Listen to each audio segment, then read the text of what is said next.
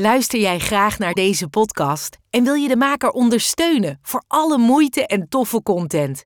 Geef dan, als je wat kan missen, een digitale fooi. Dat doe je via fooiepot met een d.com zonder abonnement of het achterlaten van privégegevens. Dus fooiepot met een d.com. Lieve mensen, welkom bij een nieuwe aflevering van de podcast van Verslaving naar Vrijheid. Mijn naam is René van Kolm. Heel fijn dat je kijkt en luistert. Vandaag hebben we wel een speciale gast. We kennen elkaar al jaren, maar dan nooit echt ontmoet. Alleen van naam. En vandaag is hij hier, ik moet zeggen, officieel voormalig of niet praktiserend psychiater. Maar hij is natuurlijk wel gewoon psychiater met waanzinnig veel ervaring en auteur. Bram Bakker. Bram, fijn dat je er bent. Wederzijds, René. Het is een wonder dat we elkaar nu pas Ja, hoe kan in dat? het levende ontmoeten. Want Ja. jij kent ongeveer iedereen die ik ken en, Ja. en vice versa. Ja. Nou ja, om iets over jou te ver- vertellen voor de mensen die Bram niet kennen. eh, Je denkt dat ik vind jou een van de bekendste, zo niet de bekendste, Ook de beruchtste, hè? beruchtste voormalig psychiater die in de verslavingszorg gewerkt heeft. Want dan hebben we het over iets van 20 jaar ervaring in de verslavingszorg. Ja, zoiets wel, ja. Ja. Om en erbij. En ik, was natuurlijk voor de, voor de mensen met verslavingsachtergrond jarenlang columnist in het onvolprezen Lef magazine. Wat jij ook hebt gedaan. Ja, of nog steeds, doet. Nog ja. steeds, ja. Dus eigenlijk was, ik, eigenlijk was ik je voorganger. Misschien is dat de reden dat we elkaar niet ontmoet hebben. We stonden niet tegelijkertijd in Lef magazine. Nee, nou dat zal het niet zijn. Maar als ik even helemaal terug, want ik vind het ook wel wat leuk, want ik ken je dan wel van naam. Ik heb je nu pas voor de tweede keer ontmoet, maar eigenlijk weet ik dan heel weinig van je. Eh, een stukje achtergrond. Uit wat voor een, ja, wat voor een gezin kom je zelf? Eh, Waar, hè, want ik denk dan altijd, waarom wil je in hemelsnaam psychiater worden? Het is zo'n lange studie. Je zit jaren in die Ja, ja. boeken, papieren. Nou, dat is, heel, dat, is, dat is een hele lange zoektocht naar een heel eenvoudig antwoord. Ik wilde psychiater worden om mijn eigen gekte te doorgronden. Nou, dat is wel een, ja, En, en ik heb jarenlang op het, op het één na laatste station was ik uitgestapt. Ik wilde psychiater worden om de mensen om mij heen te begrijpen. Maar dat was nog steeds een cover-up. Eigenlijk Ik was me- het ik- om jezelf. Ja, ja, ja. Ja. En ik denk ook, als je het helemaal plat slaat, is dat de reden dat mensen psychologie gaan studeren of dokter worden. Of ze hebben, ze hebben iets in zichzelf te helen. Daar, gaat, daar gaat het over. Hm, Dat is een mooie, ja, dat is een mooie analyse van waarom je dit. Ja, ik denk ook wel eens, hè, want ik, ik weet wel toen ik nog in al die klinieken en de ene hulpverlener de ander, dacht ik nou het laatste wat ik wil is toch wel hulpverlener worden. Maar ja, nu zit ik er toch met huid Ja, en haar je, in. je was het al. Dus je was onderweg naar... Nee, echt René, Ja. jij, jij bent het. Ik, ik herken jou gelijk. Dat, is, dat is een menstype. En, en wat heel interessant en belangrijk is... We gaan, we gaan gelijk, we flikkeren er gelijk Ja, allemaal moralistische, educatieve opmerkingen in. Eh, een van de meest gemiste observaties bij mensen die kampen met verslaving... is dat ze terwijl ze verslaafd zijn, ook nog codependent zijn. Ja, We, we trekken een heel raar schot. We zeggen, dit is de verslaafde. En dat daaromheen, dat is dan codependent in Ja. meer of mindere mate. Dat zijn de naasten. Heel veel verslaafden zijn ook heel erg codependent. En nu jij zo ver bent in het herstel van je verslaving... ja. nu komt de goedaardige kant van jouw codependency naar boven. En dat is het hulpverlenerschap. een, een hulpverlener is niks meer of minder dan iemand die zijn codependency productief maakt.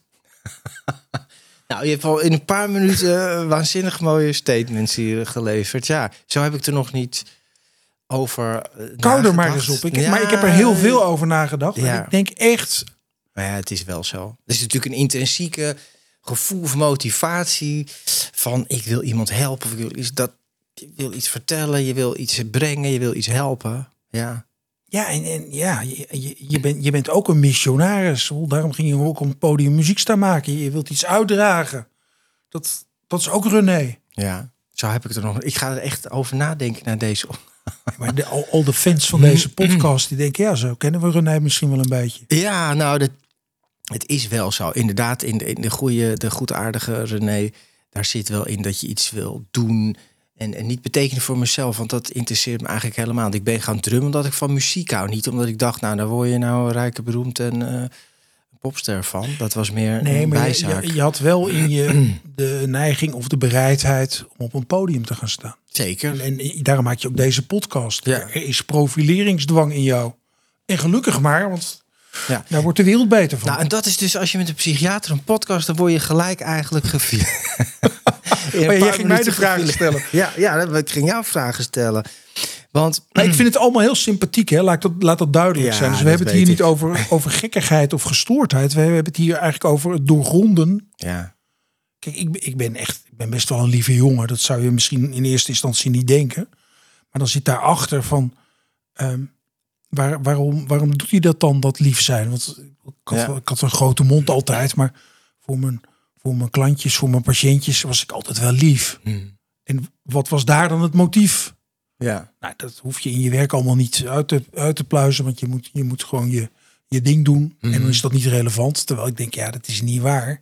Hoe beter jij begrijpt waarom je doet wat je doet, hoe makkelijker het wordt. Maar Ja. ook hoe meer je te bieden hebt. maar dat geldt natuurlijk voor iedereen dat hij doet wat hij doet. Met een, daar zit natuurlijk een intrinsieke drijfveer achter. Toch? Ja, je gaat Ja, maar niet daar is natuurlijk in de zorg wel kapot gegaan. Dat, dat die intrinsieke drijfveer van die professionals, dat daar veel te weinig aandacht aan is besteed. Mm. En dan krijg je hele schizofrene dingen als we hebben de mensen met een diploma en we hebben de ervaringsdeskundigen. Ja. Alsof het verschillende diersoorten zijn. Kom Ja. op. Toch nog even terug naar jou, Bram. ja, ja, ja, ja.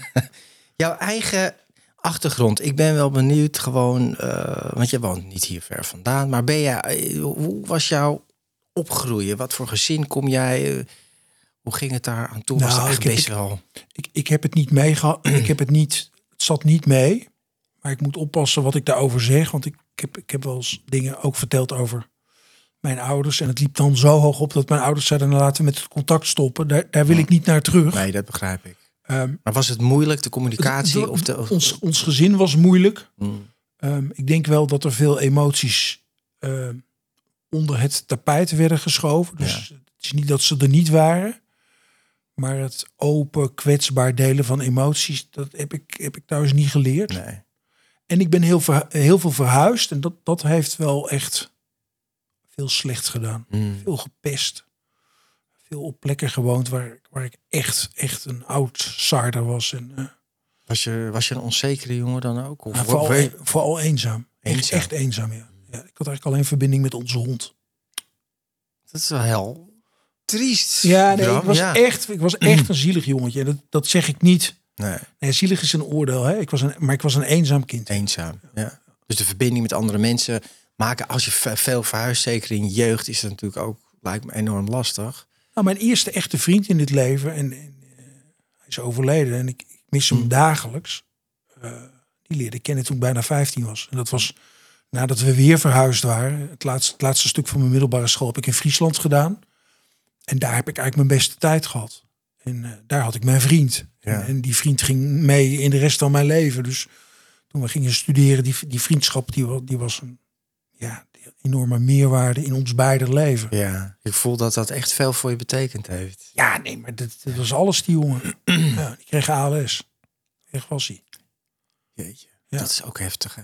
Ja, nee, vreselijk. Vreselijk. En heb je, hebben jullie een lang vriendschap met, gehad met elkaar? Ja, Tot, totdat hij tot, overleed? tot hij overleed. Maar dat, dat is alweer 2015. Dus hij, eh, Ja. hij is 52 geworden. Is niet oud. Dus ik zou kunnen zeggen dat, net zoals ik dat ken, en er waren wel mensen om me heen, maar ik kon me slecht verbinden. Maar wa- was je dan een beetje ja, een zoekende ziel, zeg maar? Van, begreep jij hoe het leven werkte, hoe dingen in elkaar zaten? En dan kijk, een van de eerste dingen die er al misgaat. ehm, mijn ouders hadden het om uiteenlopende redenen ook niet makkelijk. Hmm. Ik, ik denk dat die ieder voor zich aan het worstelen waren. Ehm, het, het was ook een tijd, de tijd van jongens huilen niet. En, en ook een beetje niet lullen, maar poetsen. Ja. Ehm, dus, dus als er dan een incidentje was, was het over tot de orde van de dag. Maar ik was een gevoelig jongetje. En ik voelde natuurlijk toch ook dat het met mijn ouders ook niet goed ging. Nee. Die, die, die vonden, die vonden, Ja, dat, die vonden dat dorp ook niet prettig. Hmm. En ik was toch al heel jong was ik aan het zorgen dat, dat ik geen onnodige, onnodig gedoe veroorzaakte. Dus ik probeerde me op mijn manier onzichtbaar te maken, wat heel slecht lukte. Want tegelijkertijd was ik een hyperactieve starterbal met echt heel, heel erg ADHD. Hmm. Maar ik, ik deed echt wel mijn best om, om Ja. braaf te zijn. Binnen de lijntjes te bewegen. Ja, te- en mijn te- moeder was heel streng. Echt, echt heel streng. Eh, dus er stond, stond wel veel spanning op het jongetje. Ja. Broers, zussen? Een twee jaar jongere zus, waar ik heel goed mee ben. Eh, maar ook eigenlijk pas sinds, sinds dit allemaal een beetje eh, ben gaan exploreren. Ja. Dus, dus hand in hand met stoppen met psychiater zijn, ben ik, ben ik eigenlijk mijn eigen oude shit eens gronden gaan verkennen. De beerput is echt flink opengetrokken. Nou, daar, daar kwam veel stank uit, maar daar kwam ook een lieve zus uit. Dat is Oh. wel mooi. Ja. Max, als je dat zegt. ja. Ja, wat mooi. Maar dat, dat, weet je, ik, ik weet zelf dat... Ik heb een broer die is negen jaar ouder. Nou, als je opgroeit is dat eigenlijk wel een immens leeftijdsverschil. veel. Dat is veel. Dus je ziet gewoon, doet gewoon hele andere dingen... en is met hele andere dingen bezig dan ik deed. Maar naarmate we ouder werden, werd die band eigenlijk steeds beter en ook makkelijker. En was jij dan, als we wat een beetje vast voor naar je puberteit... Hè, we hebben natuurlijk over verslaving en verslavingsgedrag... Herken, is dit iets wat bij jou ook wel herkenbaar is? Of, ging je, of was je gewoon af en toe eens dronken? Nee, nee, Eh, al- alles, alles ging mis in mijn ontwikkeling. En dat heeft ermee te maken dat ik op mijn veertiende, eigenlijk net voor mijn puberteit, eh, seksueel misbruikt ben door een oudere vrouw. En dat, dat heeft het normaal puberen geen goed gedaan. In, in- ook in combinatie met, met, met toch wel die strenge ouders. hm, Dus ik ben eigenlijk nooit uit de band gesprongen. En wij woonden op een boerderij buiten Heerenveen. Dus ik fietste op en neer naar mijn vriend Gerrit. Die woonde zelf in Heerenveen. Ja. Die woonde in Heerenveen. Dus ik was vaak bij hem en bij zijn ouders. En hij kwam ook bij ons op de boerderij. Dus eh, mijn leven bestond uit eh, spelen met Gerrit. En spelen was sporten. Ja. Nou, achter de meisjes aan, dat deden we niet. We hadden wel een schriftje waarin we dan iedere week een score aan de meisjes uit onze klas gaven. Maar andere meisjes Maar of drank en drugs. Nee, dus Nee, nee. nee. Maar het is wel een heftige gebeurtenis, zo'n misbruiksituatie. Ja, ja, en dat, ehm, ja, dat, dat, dat vormt, zo je wilt, misvormt je Ja, zonder dat je er erg in hebt. ja En dus precies. ik, ik heb toch echt een hele vreemde ontwikkeling doorgemaakt. Ja. Ik was heel laat, ook fysiek aan het puberen. Dus ik ging in Amsterdam studeren op mijn achttiende.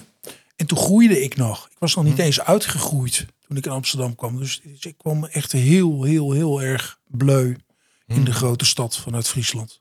Ergens, als ik nou wat langer naar je kijk, dit klinkt misschien heel vreemd, dan zie ik dat jongetje nog steeds erin zitten. Ja, maar ik, ik, heb, hem- ik, heb, ik, heb hem, ik heb hem weer in beeld. Ja, Ja, ik voel hem ook wel. Ja. Ja, mooi. ja. Eh, vind ik ook wel mooi dat je zegt van... Hé, ik ben op een gegeven moment, daar komen we straks nog wel terug... gestopt met dat psychiaters zijn en alles wat erbij hoort. Ehm, om weer eigenlijk mezelf terug te vinden en te kijken... wie ben ik en hoe zit het bij mij en wat zit er allemaal. Nou ja, kijk, ik, ik zal, je de details over mijn privéleven besparen. Maar ik merk in de relatie met vrouwen dat ik eigenlijk. Dat klinkt heel raar, maar een soort inhaalslag aan het doen ben. Want dat ik behalve dat ik dat jongetje zo voel, dat ik, dat ik eigenlijk ook, ook aanga op meisjes waarin dat ook herkenbaar is. Dus Ja. het, het, het is bijna puberaal met de vrouwen. In de zin van. Zijn iets aan het verkennen. Dat klinkt natuurlijk buitengewoon belachelijk voor iemand van mijn leeftijd. Maar dat is wel wat er gebeurt. Ja, nou ja, ik weet het belachelijk is. Misschien gaat dat ook wel nooit over. Maar het klinkt bijna alsof ik ben daar nooit volwassen in geworden. Of mag ik dat niet zo zeggen? Nou, ik vind volwassen eigenlijk helemaal niet zo leuk, joh. Laat, mij lekker onvolwassen blijven. Ja. Oké, nou goed. En misschien, misschien ben ik wel onderweg naar eh, niet meer volwassen hoeven zijn. Want psychiater is ook Ja. omgeven met mores en codes en Nou. regels en alles wat niet mag. Terwijl ik, ik pas moest ik ergens een praatje houden. Ze, hoe kondigen wij jou aan? Dan zeg, ik zeg, zeg maar gewoon Bram. Ja, maar je, je hebt heel veel gedaan en je bent toch nog van alles. Ik zei, ja, maar ik ben hopelijk meer Bram nu. Dus Ja, en, mooi. en dat voel ik, weet je. Dat Ja. is, eh, ja, nou, dat is ook een, klinkt als een bevrijding. enorm. Ja, enorm. Ja, ja, het was eng om eruit te stappen, maar het heeft me heel veel gebracht. Ja, nou, dat kan ik me echt wel voorstellen. Want ik weet wel, ik ben natuurlijk zelf ook wel eens naar de psychiater geweest. Maar dat is net een soort, ja, ik weet, daar, daar hangt iets omheen. Hè. Een psychiater, dat is dan, nou, dan kom je ergens aan. Dan, dan- Nee, ik wil er ook niet naartoe. Dus ik ben net als jij. Want ik wil niet naar een psychiater. Nee, maar dat, dat is dan. En ik ben een paar keer dat ik er geweest ben, was ook niet dat ik zeg, nou, dat was nou een geweldige ervaring. Maar goed, dat was mijn ervaring. Maar Ja, maar kijk, wat wel belangrijk is. ehm, ik kreeg niet toevallig ergens vijf jaar geleden een, een serieuze ingrijpende hersenaandoening. Ik had iets aan mijn cerebellen, mijn kleine hersenen.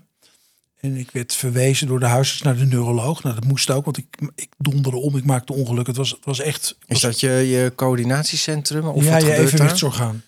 Dus ik viel echt letterlijk om. Ik reed overal tegenaan. Ik, ik, ik had de verschijnselen van, ik heb een liter whisky achter de kiezen. Maar je had niks En je weet hoe die men, en ik had niks Ja. gedronken.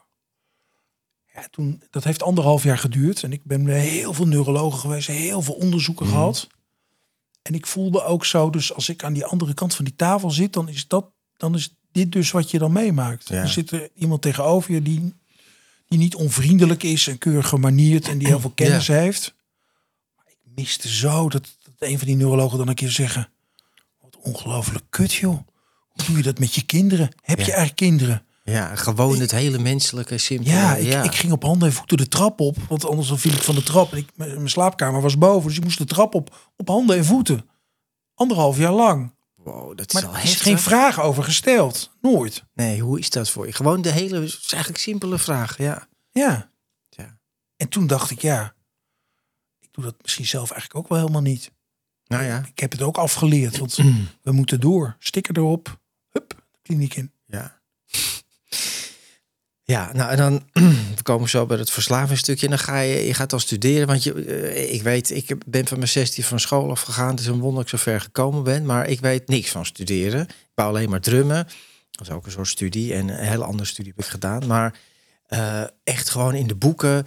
Want je wordt dan, je, je moet dan eerst, dan gaat natuurlijk met je universiteit, word je dan, dan word je toch eerst arts volgens mij, medicijnstudie, nee, maar dat- voordat je dat- dat was psychiater wordt. Dat was natuurlijk al een dingetje. Eh, ik moest kiezen tussen, tussen psychologie, Mhm. klinische psychologie of psychiater. En ik ging dus niet geneeskunde studeren om dokter te worden. Ik ging geneeskunde studeren omdat ik psychiater wilde worden. Ja, oké, en, dat en dat, je ja, en wa- dat was wel een offer. Want wat ik over nieren en levers en darmen uit mijn kop heb moeten leren.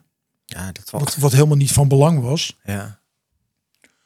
En kijk, bij de gratie van mijn goede geheugen heb ik dat diploma gehaald. Dus Mm. ik, ik kon eigenlijk de avond voor ik een tentamen had beginnen. En dan las ik alles heel snel één keer door. En dan wist ik de volgende dag, oh, was er net voldoende blijven hangen voor een zesje. De dag daarna was ik het weer vergeten, maar zo. ja, maar ik denk dat het zo, wel meer mensen zo Ja, studeren. Maar Het is ook goed, niet erg. nee, dat is niet erg. En, en ja, ik ging, ik ging uiteindelijk na zes jaar het ziekenhuis in. En in het ziekenhuis vond ik het wel, ja, daar ging met mensen. Ja. Dus dat vond ik mooi. Ik vond alle kooschappen leuk. Ja, dus dat, dat is je, je stage, zeg maar. Dan ga je eh, meelopen en allemaal dingen. En, maar op een gegeven moment, ja, psychiater is natuurlijk per definitie psychische problemen, toch? Met medicijnen, dingen voorschrijven. Ja, maar ik- ben, ik ben psychiater geworden in een tijd dat het eigenlijk heel erg omsloeg van de Freudiaanse benadering. Ja. Hè, de, het ego en het libido en de verdringing en de seks. En eh, dat, Mhm. dat was Freud. En toen ging het eigenlijk over in het hersenziektemodel. En dat domineert helaas nog steeds de psychiatrie. Eh, want er is geen enkel bewijs dat verslaving een hersenziekte is. Je, mag het wat mij betreft best op die manier benaderen als het jou helpt. Maar er is geen bewijs dat verslaving een hersenziekte is. Dat, dat kan niet vaak genoeg gezegd worden. Omdat als jij dat dan aanhangt, Ja, dan is dat een geloof. En er is niks tegen geloof. Maar behalve geloof 1 is er ook nog geloof 2. ja. En ik, ik denk dat verslaving iets heel anders is dan een hersenziekte. Nou, dat vind ik wel gelijk het mooie. Want hoe vaak we het daar niet over hebben. En er wordt nu toch wel heel erg gezegd: het is een hersenziekte. En sterker nog, eh, ik, ik zeg dat ook eh, elke week in eh, mijn psycho-educatie. Dat, Ja, je bent Nou, daarin opgeleid. Ja. Ik, ja, ik Ja. Heb, heb dat ook geleerd. En ik weet wel, hè, er zijn natuurlijk scans van mensen die verslaafd zijn. En die laten ze dan plaatjes zien. Nou ja, jij weet het allemaal veel beter dan ik, denk ik. Maar en dan ligt het deel in, in het brein op. En er is een veranderd neurologisch netwerk. En, maar zeg jij van, nou, dat is eigenlijk allemaal niet Nee, waar? Of, Nee, nee, dat, dat, Nee? Is, dat is ontzettend waar. Alleen een ongelooflijk kip-ei-vraagstuk onder. Dus Ja. het brein van een verslaafde is anders dan het brein van iemand die vergelijkbaar is en niet verslaafd. Hè? Ja. Zo, zo heet dat dan in Ja. wetenschappelijke termen. Dus eh, een, een geblindeerde onderzoeker die dus niet weet of hij naar de foto van het brein van René kijkt of het brein van Bram, die kan dan zeggen, nou, op dat brein zie ik iets oplichten wat aan verslaving doet denken. Oh, dat is René. ja. En, en bij mij ziet hij of zij dat niet. Oh, dat is Bram. Maar hoe is dat nou gekomen? En, en je moet echt weten, en daar kan ik me echt over opwinden. ja. Dit, dit is bedacht door de farmaceutische industrie. Er was een belanghebbende partij die zei: het maakt niet uit hoe daar in die hersenen iets afwijkends kan worden vastgesteld. Het feit is dat daar een afwijking is. En daar hebben wij Prozac voor. En vanaf nu is een depressie een hersenziekte. Hm. Maar wat, wat voor verslaving geldt, geldt ook voor depressie, geldt ook voor paniekaanvallen, geldt ook voor een eetstoornis. Ja. We weten niet wat het is. En inderdaad, het speelt zich ook af in het brein. Maar als je er exclusief van uitgaat dat het in het brein begint en dat de rest volgt op een afwijking in het brein, Nee. niet waar. Nee. Wordt bewezen. nee, maar dat geloof ik ook niet. Ik weet En het gaat ook niet bewezen worden. Nee, nee, want dat.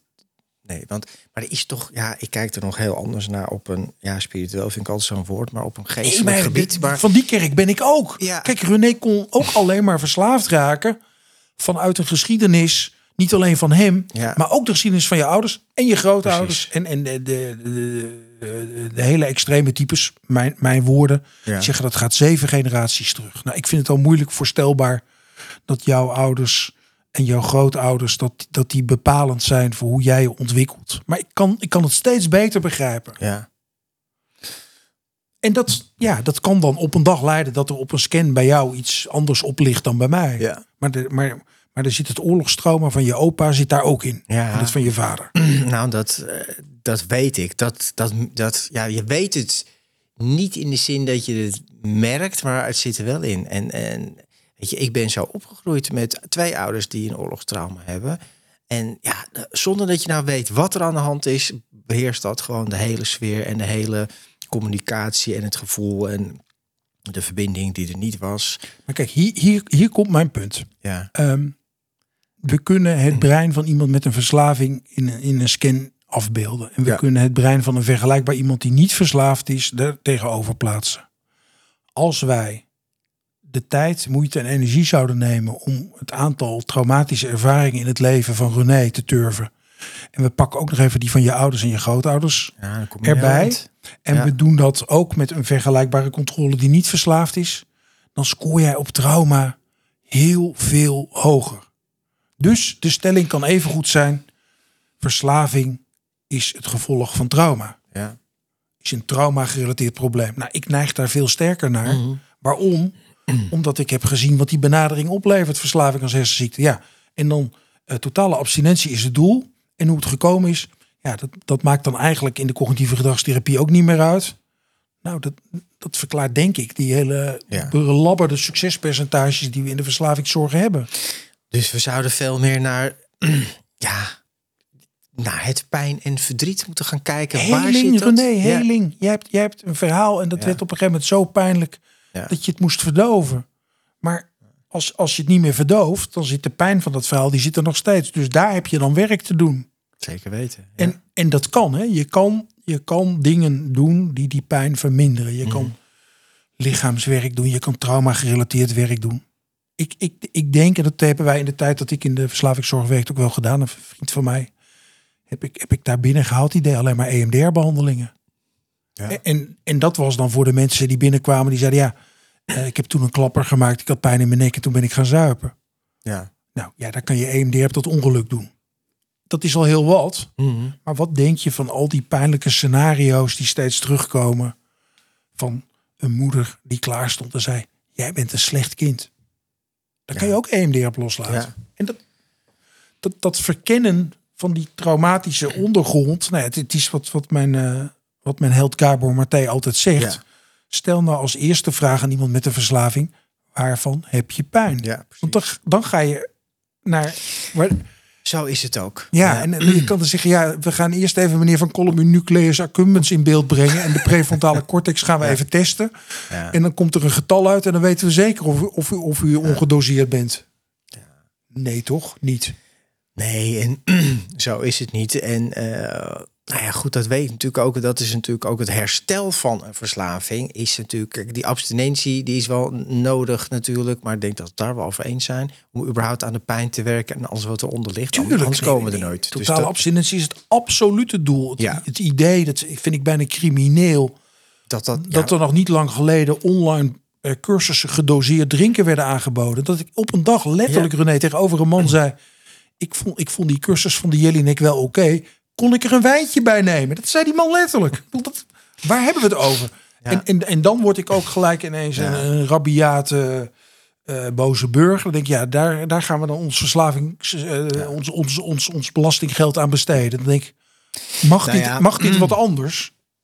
Ja, ik moet erom lachen, maar het is, ik, ik kan Het me is er heel heel, kwaad op maken. En, maar het gebeurt nog steeds, Bram. Er zijn nog steeds eh, instellingen, ik wil geen namen noemen, maar dit, Nee, het gaat niet ze- om de naam. Het gaat, het gaat dat je niet begrijpt Nee, dat de enige weg naar herstel leidt via het uitbannen van alle ja, drank en drugs. ja, De mood altering substances. ja. En, en in twaalf stappen termen ben ik dan ook een hardliner. En, en, en eh, dan moet je ook echt, moet je niet het risico nemen om 0.0 te gaan drinken. Als je weet Dat dat, dat er toch een trigger is. in zit. En, en dat Ja, je, dat je waarschijnlijk naar de vierde 0.0 zegt, nou doe nu maar een echte. Ja, Dan ga je dat dus niet doen. ja. maar En, ik vind ook, dat vind ik ook een van de belangrijkste dingen uit, uit dat programma. Iedere dag alles doen wat nodig is voor je herstel. Ja. En, en radicaal. Niet, niet, niet de kantjes eraf lopen. nee. Topsport. Ja, nou dat is het. En, en, maar ja, verslaving is natuurlijk ook een radicale afslag, ehm, ja, zeg maar, de de destructieve kant op. En daarvoor moet herstel eigenlijk het tegenovergestelde zijn. Maar ik ben wel absoluut met je eens. En ik voelde ook al erg een klik en over deze dingen. En ik denk, er is zoveel meer aan de hand. Want als het nou alleen een hersenziekte was, dan zou je ook kunnen zeggen, nou, zeg maar, je, je stopt alleen, maar voor de rest doe je er niks aan. Hè? Nou, dan zou je binnen, ja, collega van jou wel eens gezegd, binnen zoveel jaren, bij de een verschilt dat misschien is dat twee, drie jaar, de ander misschien vijf, zes jaar, zou dat genezen moeten zijn dan toch? Nee, als je dat niet meer voelt. Nee, dat, gelezen, dat, dat, dat geneest niet. En, en, en voor wie wel eens een boek leest, leest dan Hongerige Geesten van Cabo Martinez. Er, er, er ontstaan zeg maar, er ontstaan routes, eh, zenuwpaden Ja, door ons hele systeem naar ons brein. Die, dat zijn van die uitgesleten paadjes. En, en dat is wat verslaving is. ja, En dat pad, dat, je kan wel een ander pad kiezen, maar dat pad is nooit weg. En dat betekent dat op een ongelukkig moment kan er in een reflex op een imaginaire knop worden geduwd, Ja. waardoor je toch weer op dat pad belandt.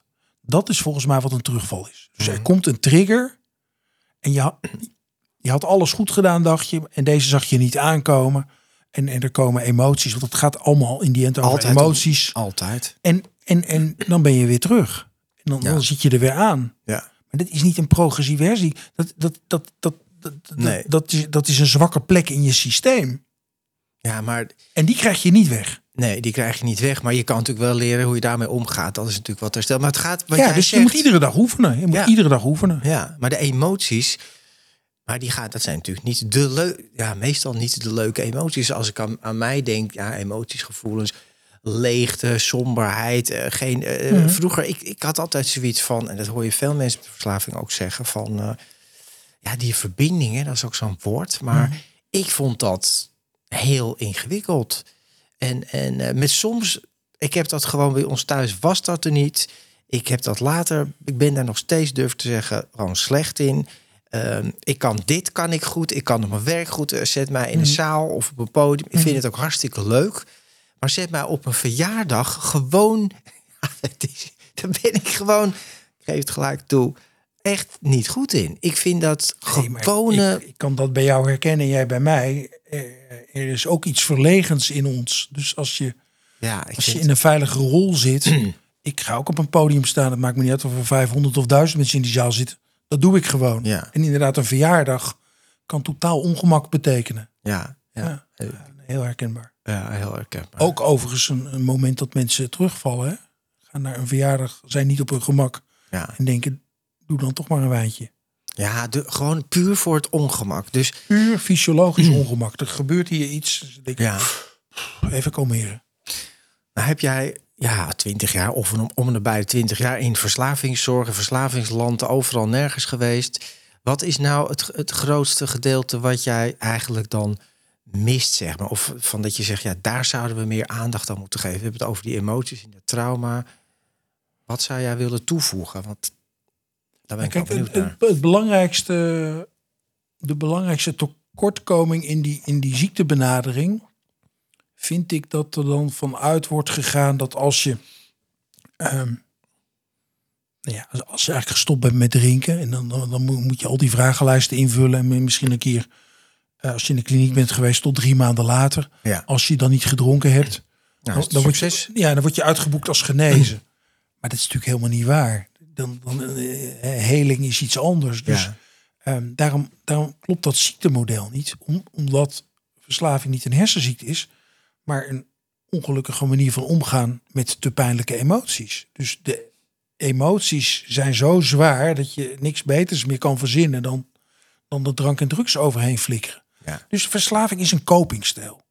En wat daaronder ligt, dat, dat is je emotionele huishouding. Hoe verhoud ik me tot alles wat er niet goed is gegaan en wat er Mhm. met me is gebeurd en, en, en wat ik wel had willen hebben, maar niet gekregen heb. Nee, dat is jaren werk. Ja. Ik ben net begonnen. Ja. Gelukkig word ik honderd, maar ben net bezig. Ja. Nou ja, goed, dat herken ik natuurlijk ook wel. Maar bedoel je met jezelf ben je net bezig? Hoe dat ook bij jou werkt of met andere mensen? Nee, nee, met altijd- mezelf. Ja. Nee, met mezelf. Want kijk, eh, geen psychiater meer zijn eh, gaf me ook de vrijheid om mezelf in te brengen. Ja. Dus ik kan nu gewoon als Bram met jou praten. En dan kan het nog steeds heel goed over jouw probleem gaan. En kan ik ook Mhm. dat heel goed nog als een professionele activiteit uitboeken. Maar ik kan wel als Bram met jou in gesprek. Ja. Ik, hoef, ik hoef niet te doen alsof, alsof ik wel normaal ben. Dat is fijn. Ja, nee, maar dit- dat is toch troostend? Ja, dat is heel trouw. Nou, ja. Is ook vooral heel menselijk. Hè? En dat is wat ik ook vroeger toch heel vaak ook wel miste of ingewikkeld vond. Zal ook echt bij mij liggen. Maar dat je inderdaad iemand tegen je over hebt die gewoon ja, vragen stelt of dingen wel zegt, maar eigenlijk niet zegt. Net zoals je, toen jij bij de dokter kwam met jouw Ja. Van, goh joh, hoe gaat het nou met je? En gewoon heel simpel eigenlijk over gevoelens en dingen gaat praten. En Ik, ik, ik werd ook een beetje obstinaat. Want op een gegeven moment, in het begin van die ziekte, krijg je dan al die scans. ja, En dan weet je al dat je geen hersentumor hebt.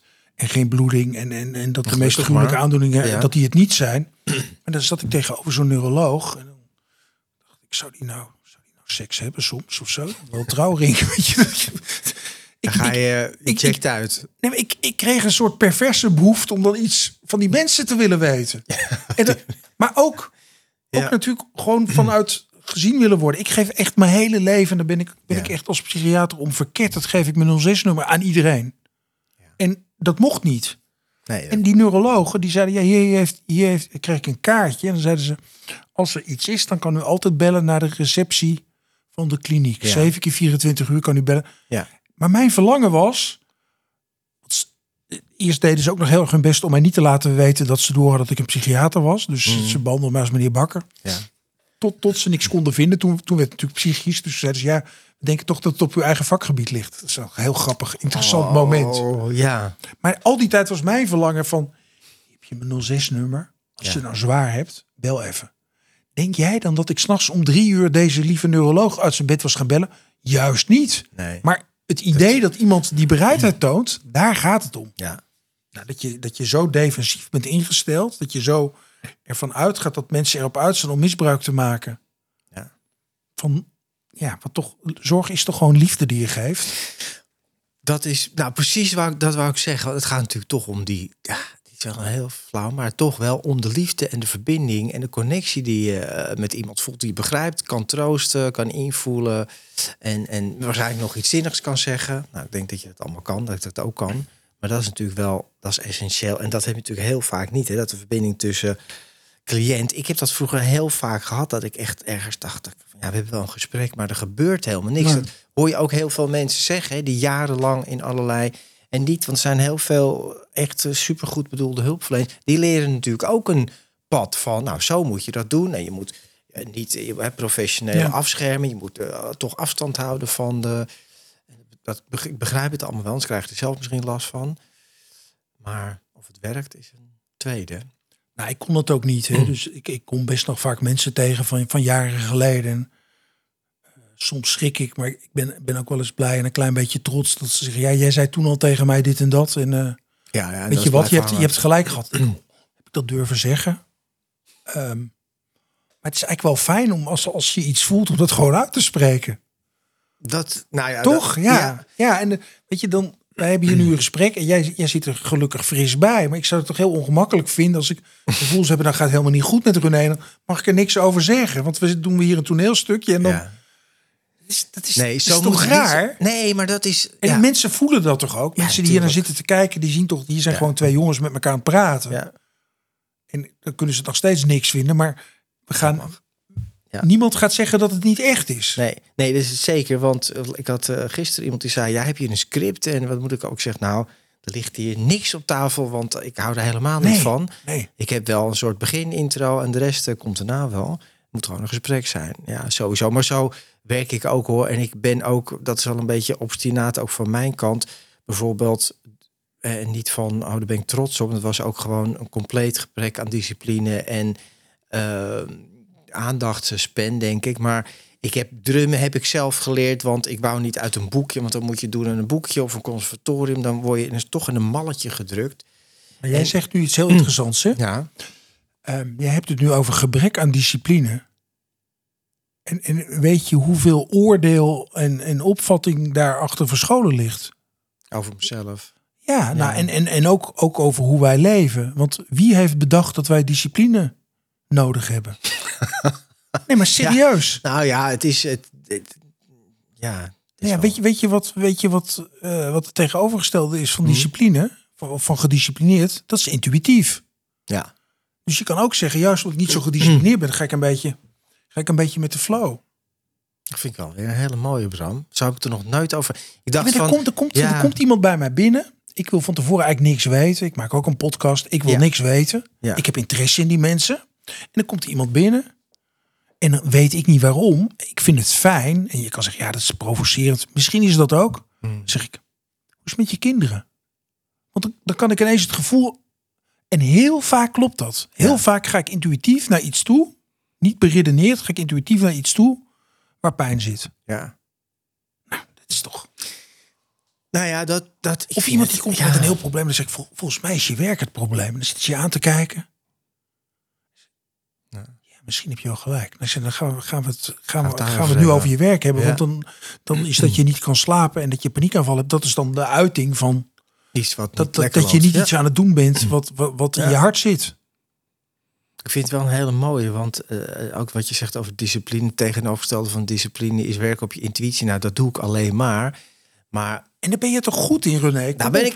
Je, wordt, in- niet, je, ja. je wordt niet beter van discipline. Echt niet. Het is fijn dat we op tijd... eh, als, als we een afspraak hebben, dat je er dan ook op tijd bent. Dus, dus het heeft zeker zin. in bepaal. Maar alles weg en eh, laat het maar gebeuren. Dan ben je volgens mij op je best. Klopt. En ik hou me wel mijn afspraken. Dat is natuurlijk, maar dat is eigenlijk een soort basisding, hè, dat je dat kan en doet. Maar voor de rest doe ik alles wat ik doe, doe ik op gevoel en intuïtie. En dat werkt. eh, en eh, ben ik ver, ver mee gekomen. Nee, maar ik, heb, ik heb nu... Ik doe, doe af en toe hetzelfde werk als jij. Dus ik, Ja. ik, ik, ik sta nu de partner van een BN'er met een alcoholprobleem bij. Ja. En die partner die komt dan steeds. Ja, er moet toch wat gebeuren. En wat denk je, dit en dat. En, ja, volgens mij, wat jij kan doen, is het loslaten. Want zolang jij eromheen blijft lopen en blijft redderen en je je zorgen blijft Mhm. maken. En, en niet jouw partner hier zit, maar jij, gaat er niks gebeuren. Dan is een tijdje stil.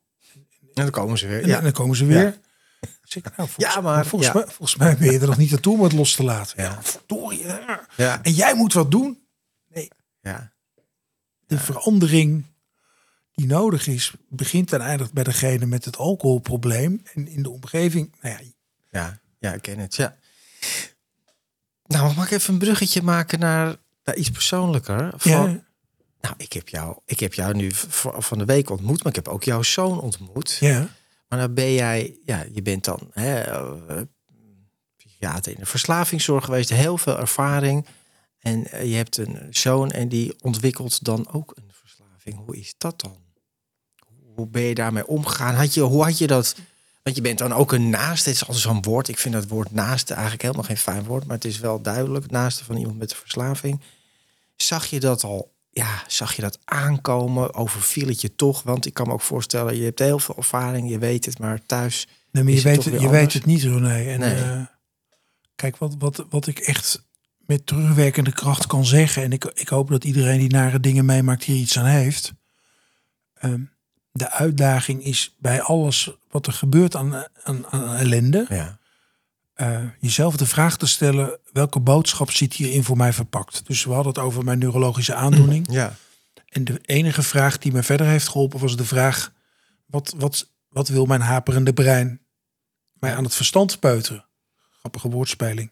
En, en de psychiater had zelf iets tussen de oren. Dat, dat, dat, dat zijn natuurwetten. Hè? Ja. Dus wat Wat is de boodschap wat van moest dit ik daarvan verhaal? leren? Nou, ehm, een, een ander voorbeeld, en dat, dat gaat eigenlijk, dat speelt in dezelfde tijd dat Vimme Ja. naar een kliniek ging. Mijn, mijn, mijn goede vriend Joost Zwageman suicideert zich. En ik heb beroepsmatig heel veel su- suicides meegemaakt. Als je vriend zich suicideert, is dat totaal anders. Ja, begrijp ik. En daar heb, daar heb ik heel veel van geleerd in de zin van, ik begrijp dat hoe hard ik mijn best ook deed als psychiater, dat het voor mij nooit was wat het voor de mensen tegenover me was. Ik heb Ja. veel met nabestaanden gewerkt en ehm, ik, ik kon me er wel op inleven. Ik was wel Mhm. empathisch en ik zeg niet dat ik er slecht in was, maar alles werd anders toen ik ineens tot in mijn vezels voelde hoe dat is. Om, om dat in je, in je gewone leven mee te maken. En dat was dus, ja, weer die afstand tussen er professioneel mee bezig zijn en privé.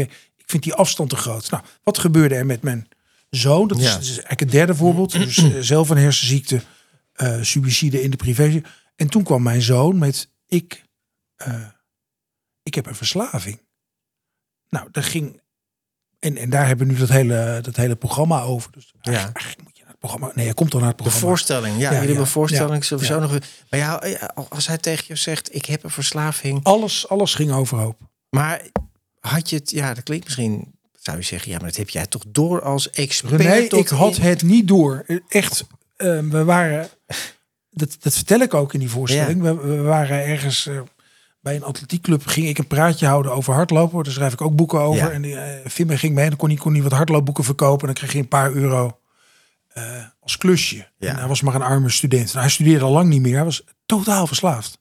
En, ik had het niet door. En het was een dinsdagavond. En die jongen zat te trillen en te zweten. En ik voelde me niet goed. En ehm, toen wilde hij snel naar huis op dinsdagavond. Ik begreep er niks van. En hij was ook heel vaak ziek. Ja, En heel vaak was, heel vaak was dat is ook een grap. Heel vaak was zijn koelkast of zijn verwarming stuk. Dus dan moest ik, moest ik wat euro's overmaken. Dan kon hij zijn koelkast of zijn verwarming laten opereren. Dus hij was ziek of was zijn apparaat stuk. Dat was al jaren een rode draad.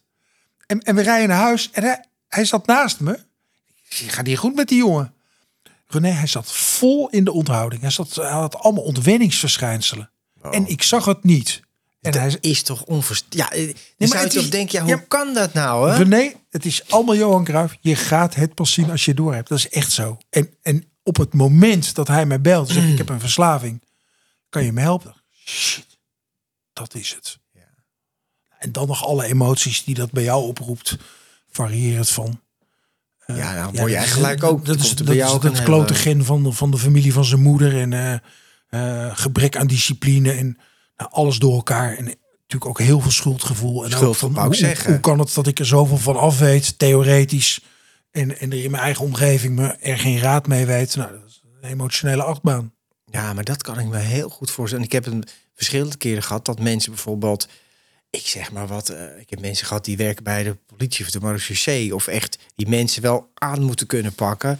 Maar ze zegt, ja, maar ik- mijn zoon, die kan ik niet, ik kan niet eh, nee zeggen of ik heb het niet door of Nee. zo. Dat is toch, ja, maar ik vind het toch een fenomeen eh, al als een onbegrijpelijkheid dat, dat als je er zo in zit qua werk en zoveel ervaringen weet en alles wat jij hebt meegemaakt, dat je dat dan toch niet door hebt of zo, die signalen oppakt. Maar Wat, wat denk niet. jij, wat- maar wat zou dat, wat zou dat kunnen zijn dat mensen in hun werk, want ik denk als je op je werk bent of ergens anders bent, dat je het vrij snel door hebt en toch van je eigen kind, is dat lastig te zien. Ja, maar, maar het is echt René, wat mensen in hun werk goed kunnen, dat kunnen ze privé niet goed.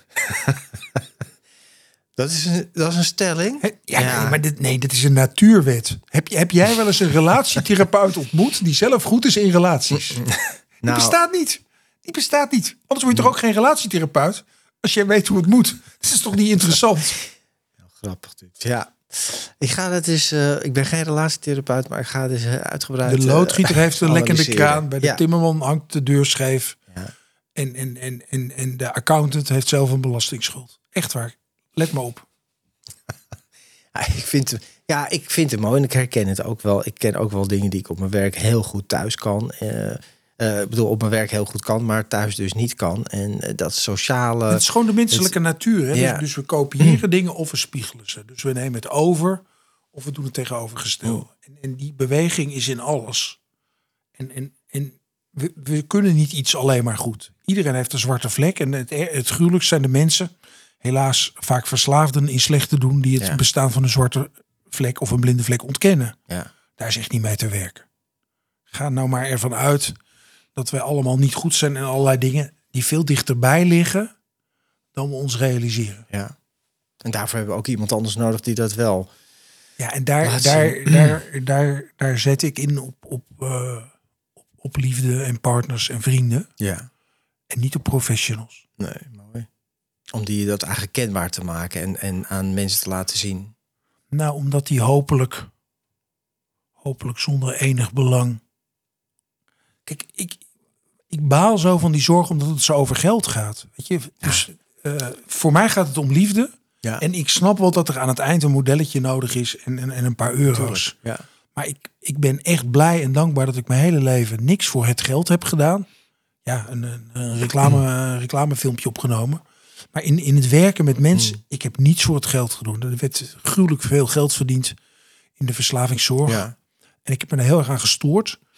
Maar ik was wel altijd blij dat ik toch geen aandeelhouder was en geen winstdeel kreeg. Want dan was ik ook medeplichtig geworden. Dus het- feit het dat ik alleen, ja, omdat ik Een alleen een baan had. Ja. En ik verdiende echt goed, hè? Ja, psychiatrisch alles, alles goed. behalve zielig. Ja. Maar, die, maar, de, maar de, de gruwelijke winsten die daar gemaakt worden door mensen die bottom line dan misschien niet of niet meer verslaafd zijn aan drank en drugs, maar nog steeds eigenlijk de hele dag bezig zijn om hun ego op te krikken Hmm. via euro's.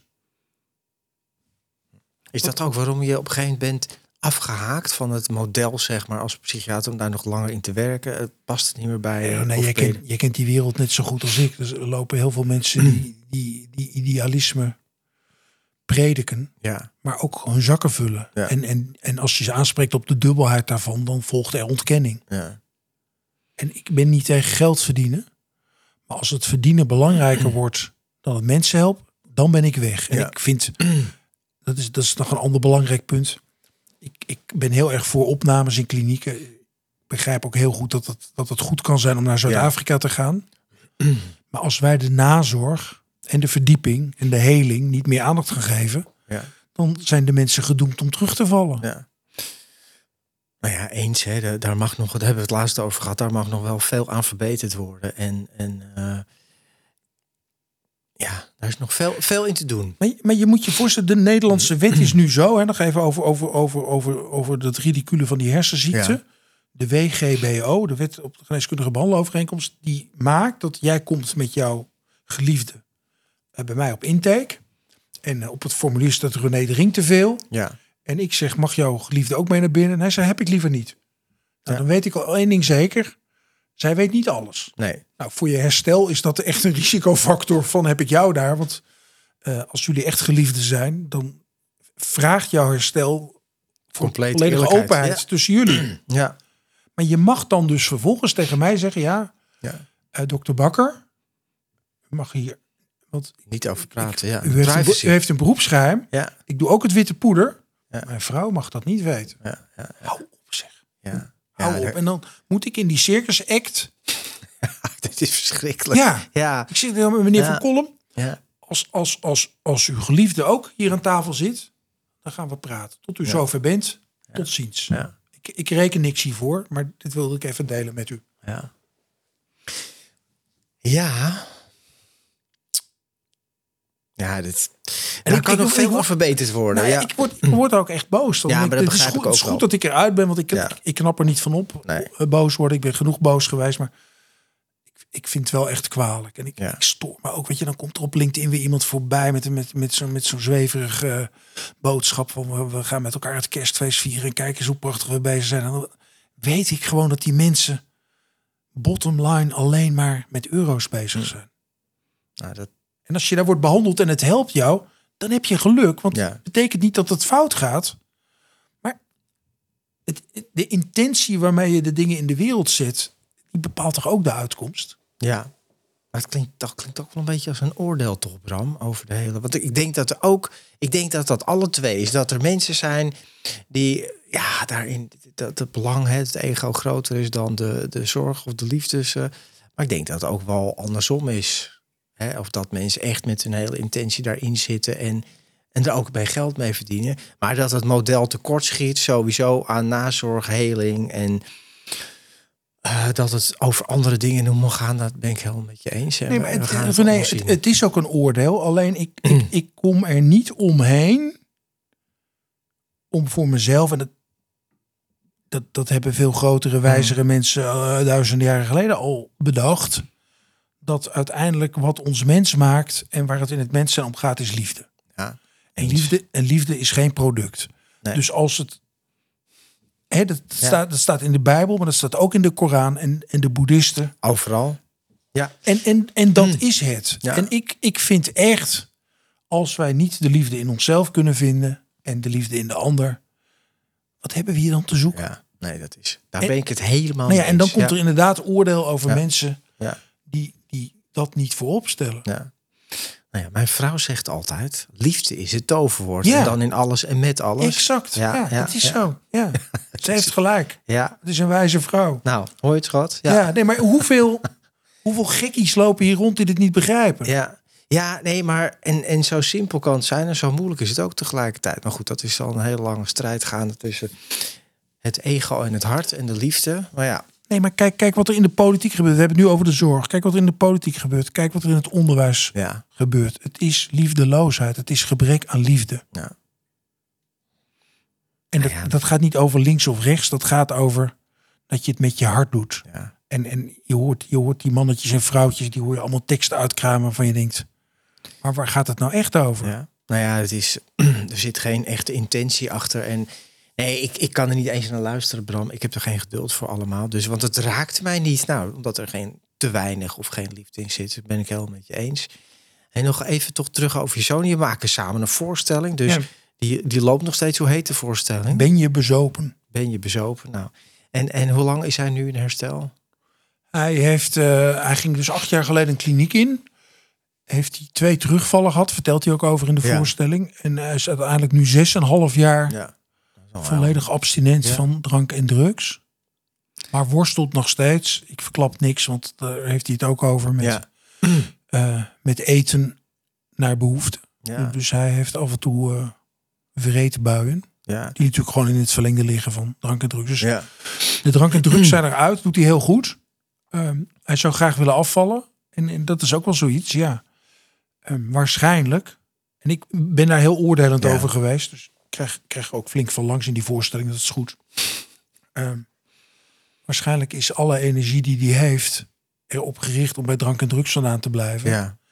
Ja, en dan ook nog eens een marathon gaan trainen of zo. Alle gekkigheid die ik doe. Nou ja. Dat- ja, ja, ja, die energie heeft hij niet. Nee, maar dat gaat allemaal in fases ook. Hè? Dat ken ik van mijn eigen herstel ook wel. Dat je denkt van, oh ja, hier zit ook een verslavingstuk. Oh, hier zit ook een datzelfde gedrag. Ja, daar, daar gaan jaren overheen. Maar is het, eh, is die, ja, de band, hè, je ontdekt eigenlijk van hij is verslaafd. Terwijl je het eigenlijk dus niet door had, hebben we het over gehad. En is die band nu heel erg veranderd nu hij... Enorm. Ja? Enorm. Maar eigenlijk ook pas sinds we met dit programma bezig zijn. Want het is nog maar, het is nog maar een paar maanden. Ehm, het begon dat, dat ik drie kwartier voor de pauze deed. En dan zeg maar meer infotainment over verslaving. Ja. Dus, dus meer kennis. En hij dan cabaret. Want hij heeft, hij heeft ondertussen een belangrijke prijs gewonnen als cabaretier. Dus hij is een cabaretier. Wij dachten dat is dan een leuke combi. Maar ehm, we hadden in de aanloop nog een aanvaring. Want hij wilde dat als een serieus theaterproject aanvliegen met de regisseur en zo. En ik zei, ik ben nog even niet toe aan een regisseur. Eh, vond, vond hij maar stom van mij. Ik zei, dan maak jij eens maar je boek af. Weet je. Dus we waren een beetje eh, Ja. aan, aan het bakkelei. Kunnen we heel goed. Ehm, en toen hadden we de eerste avond. En toen ging, ging ik dus mijn deel Ja. van het verhaal doen. En dan hoorde hij voor het eerst. En toen kwam zijn deel van het verhaal. En toen zei hij, en, en hij, hij weegt serieus te veel. Zei hij, ja, mijn vader haat dikke mensen. Dus eigenlijk haat hij ook mij. Oh, dat is wel heftig. Nou, dat vond ik, dat vond ik echt. En toen, Oh. nou, toen gingen we de volgende dag gingen we het erover hebben. Zei, Ja. dat, dat kan niet. Dat kan niet. Ik haat je niet. Nee. God, het ik- raakt me wel als je dat zegt. Ja, nee, vreselijk. Oh. Maar eerlijk, Ja. ik heb een enorm oordeel over mensen met overgewicht. En Ja. dat vind ik eigenlijk in toenemende mate vooral iets over mij zeggen. Maar er zijn veel mensen in mijn familie die kampen met overgewicht. Ik, ik, ik ben een dwangneuroot die iedere dag checkt of, of hij niet een paar gram te veel weegt. En ik ga iedere dag eh, als een gek lopen rennen. Ben jij, ben jij ook een beetje verslaafd dan, op een andere manier? Ja, nee, dat, nou ja, dat is dan, daar kunnen we nog een half uurtje over door. Nee, ik, ik, ik ben een gedragsverslaafde, maar dat is geen DSM-diagnose. Dus Nee. ehm, de, de hersenziekte gedragsverslaving, die heb ik, René. tota- ik ben Ja. totaal mateloos. Alleen niet met drank en drugs. Nee. Ik ben in alles mateloos. Dus je bent ook heel erg strak sporten en er moet geen grammetje bij. Nou, en werken, en enorm over het hoofd geziene verslaving. Ja. De workaholic. Ja.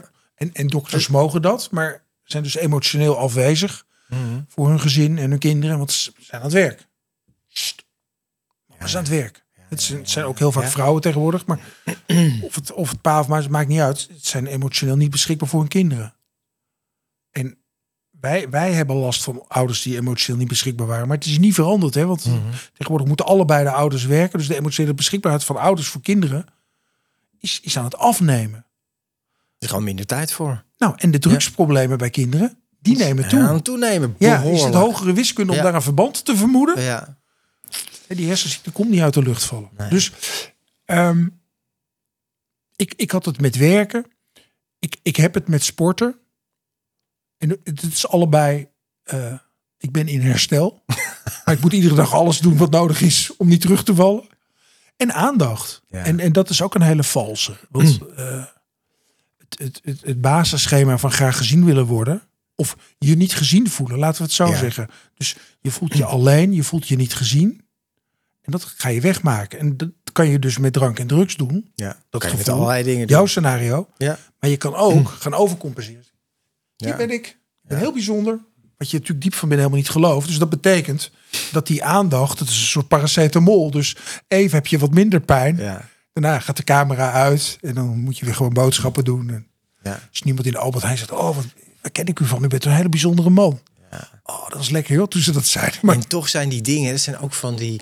Eh, Cabaret Matteo noemt dat childhood trauma. Of, Ja, ja. Maar je kan het ook trauma noemen, maar het zijn ook... En niet gezien en, en niet... Ik zit natuurlijk in... Eh, ik werk in een jeugdkliniek, een aantal dagen in de week. En eigenlijk al die kinderen, bijna allemaal, 99% zegt van... Ik voel me niet gehoord en me gezien. Hè? Ook al denken ouders van nou, ik was altijd thuis. En, maar dat is ook zo een... Maar het gaat natuurlijk weer over Nee, maar, nee, maar het daar, gaat het mis. Kijk, die ouder Ja. zegt ik was altijd thuis. Die bevestigt het gevoel van het kind. Ja, Want als dat kind zegt ik voel me niet gehoord of gezien.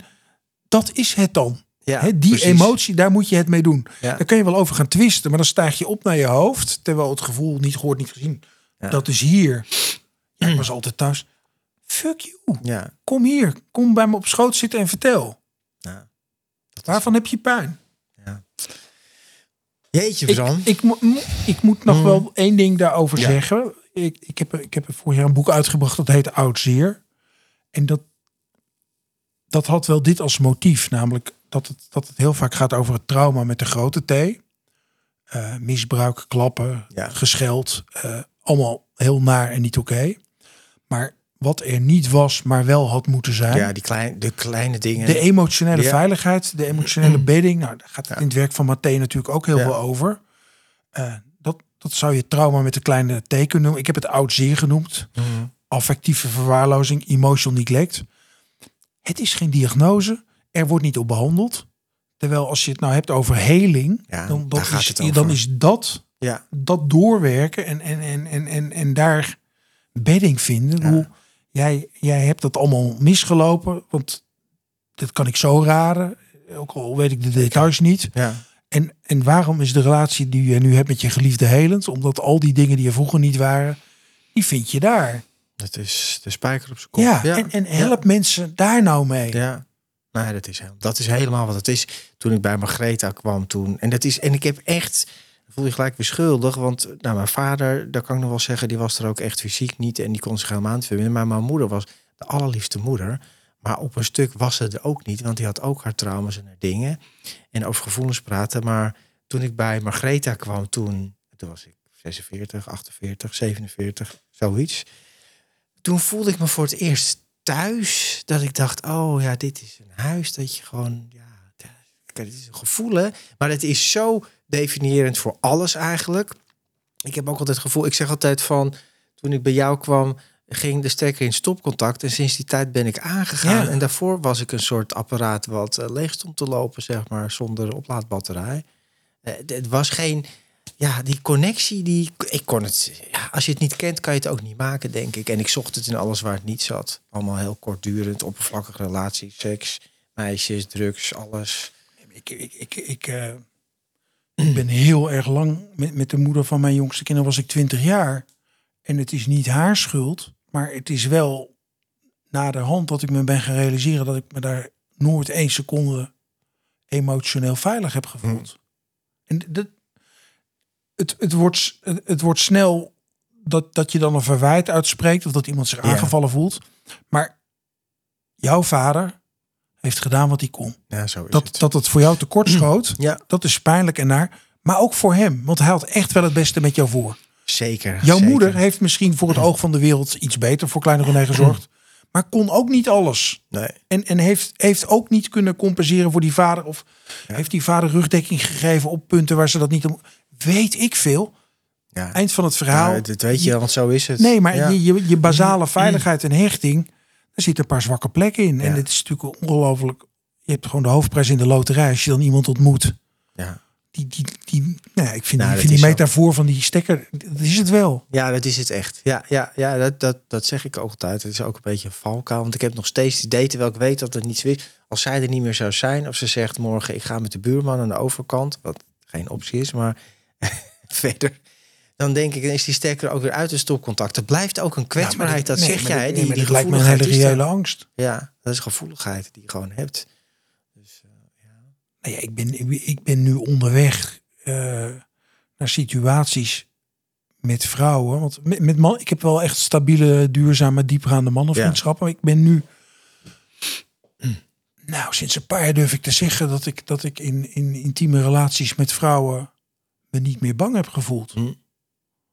Maar ik heb, ik heb nog niet de stekker ergens in durven steken hoor. Want ik ben, ik ben zo bang voor die buurman. Dat ik denk, ja, nee, maar, nee, nee, maar serieus. Die, die, die, Ja. die, die- dat, dat aangaan. Ja, dat je echt helemaal openbaren en geven. Nee, veel, dat veel te lastig. eng. Veel te eng. Veel te eng. Ja. Nou, je hebt zoveel. Je moet nog een vervolg op komen, want we zitten al een hele mooie tijd. Ja, dan maak je, maak, je, uur maak, je wel een, maak je wel een boodschappenlijstje van Ik- dingen waar we het over gaan Daar hebben. gaan we het volgende keer uitgebreid over Met een maar- hele fijne gesprekspartner, René. Ja? het kletst heel makkelijk met je. Ja, maar het is wederzijds. En Ja. je vertelt zoveel mooie en rake dingen waarvan ik denk dat iedereen eh, ook natuurlijk heel deze podcast heeft de titel van verslaving naar vrijheid, maar ik het gaat over zoveel meer. Het gaat over mensen en er zijn geen verslaafden en niet verslaafden wat mij betreft. hou op. Dus ja, dat, is ook, vers- hè? Die, Ja. die, die was dan verslaafd aan het kopen. Een, een, van de meest ontroerende anekdotes vind ik. Ik, ik, ik, moet, ik moet ook Matthé gaan ontmoeten. Dat staat echt op mijn Ja. boodschappenlijst. Dat ga ik fixen. Maar ehm, dat, dat hij dus in de slechtste drugsbuurt van Vancouver gaat werken. Die van 10 dollar Death Trip op. Netflix. Nou, dat, dat, dat, daar word je naar van als Ja, je daar naar kijkt. Van die fentanyl spuitende, zwaar, zwaar, zwaar getraumatiseerde mensen. En dan gaat het in Hongerige Geesten gaat het over die buurt. Dus Ja. eh, lees dat Hongerige Geesten. En dan is Matthé verslaafd aan het kopen van klassieke cd's. Ja. En dan nemen mensen dat niet serieus. Dus die gaan, jij doet het ook, Nee, die gaan een beetje is- lachen. Ja, Maar hij koopt, hij koopt voor 1000 dollar op een dag klassieke cd's. Ja. Hij laat een wachtkamer vol met patiënten zitten. Omdat hij in de cd-winkel staat. Ja. Hij gaat niet eten met zijn gezin. Terwijl hij echt van zijn vrouw en zijn kinderen houdt. Hij is er gewoon niet. Ja. Want hij is cd's aan het kopen. ja, ja. En iedereen reageert een beetje. Nou, hij kan toch gewoon betalen. Nou, overdrijven we niet een beetje. En dan zegt hij. Daar komt hij. Die mensen daar in die drugsbuurt. Die herkenden mij als een van hun. Dat raakt me René. Dat ik denk. Het gaat er niet alleen om dat wij zien dat die verslaafde niet anders is dan wij. Het gaat er dus ook om dat die verslaafde nog steeds in staat is. Om te zien dat wij net zo gek zijn. Ja. Amen. Ik, dit, dit is toch geweldig. Bram, ik ga je zeker uitnodigen voor een tweede ronde. Ik kom met liefde en plezier. Maar je woont ook niet zo ver hier vandaan. Dus, nou, lieve mensen die allemaal geluisterd en gekeken hebben. Ik vond het een, een meen ik oprecht. Heeft mij ook weer aan het denken gezet. Vooral die discipline en die intuïtie vond ik ook al mooi. Want vroeger dacht ik, ik ben toch een lul en ik ben zwak en ik kan het allemaal niet. Ik ben toch ontzettend ver gekomen. En ruim 13, Hou die stekker erin bij die vrouw van je. Want Nou, die, die, die kan je het gevoel bezorgen dat je geen lul bent. Ja, nee, dit is figuurlijk. Dus, eh, dus jouw angst is ook niet, je angst is niet de buurman. Je angst is dat je weer terugkomt in die hele, hele onaardige overtuiging over jezelf. Ja. Daar, dat is het. Hou vol, mevrouw van Kolm. Ja, nou, Hij is het waard. Nee, zij weet het al. Ja, zij weet dit al. was, was honderd keer weg lang door. Ja. Nou mensen, we gaan hem afsluiten. Ik wil jullie bedanken voor... Bram, ik wil jou bedanken voor het hier komen. En Nou, voor jij voor de uitnodiging. hè? alle wijze eh, food for thought, hè, wat je allemaal gegeven hebt. En mensen, deel dit met andere mensen. Mensen die wel verslaafd zijn, niet verslaafd zijn. We hebben net gehoord, ze bestaan eigenlijk niet. We zijn allemaal mensen met kwetsbaarheden. En ik vind dat heel mooi. Dus abonneer op dit kanaal als je dat nog niet gedaan hebt. En nogmaals, deel het met anderen. Ehm, ik hoop dat jullie ervan genoten hebben. Ik wel. Tot de volgende keer en dank je wel voor het kijken en het luisteren. Luister je graag naar deze podcast? Laat de maker weten dat je waardeert wat hij of zij doet en geef een digitale fooi. Dat kan zonder abonnement, snel en simpel via fooiepot.com. Fooiepot met een d.com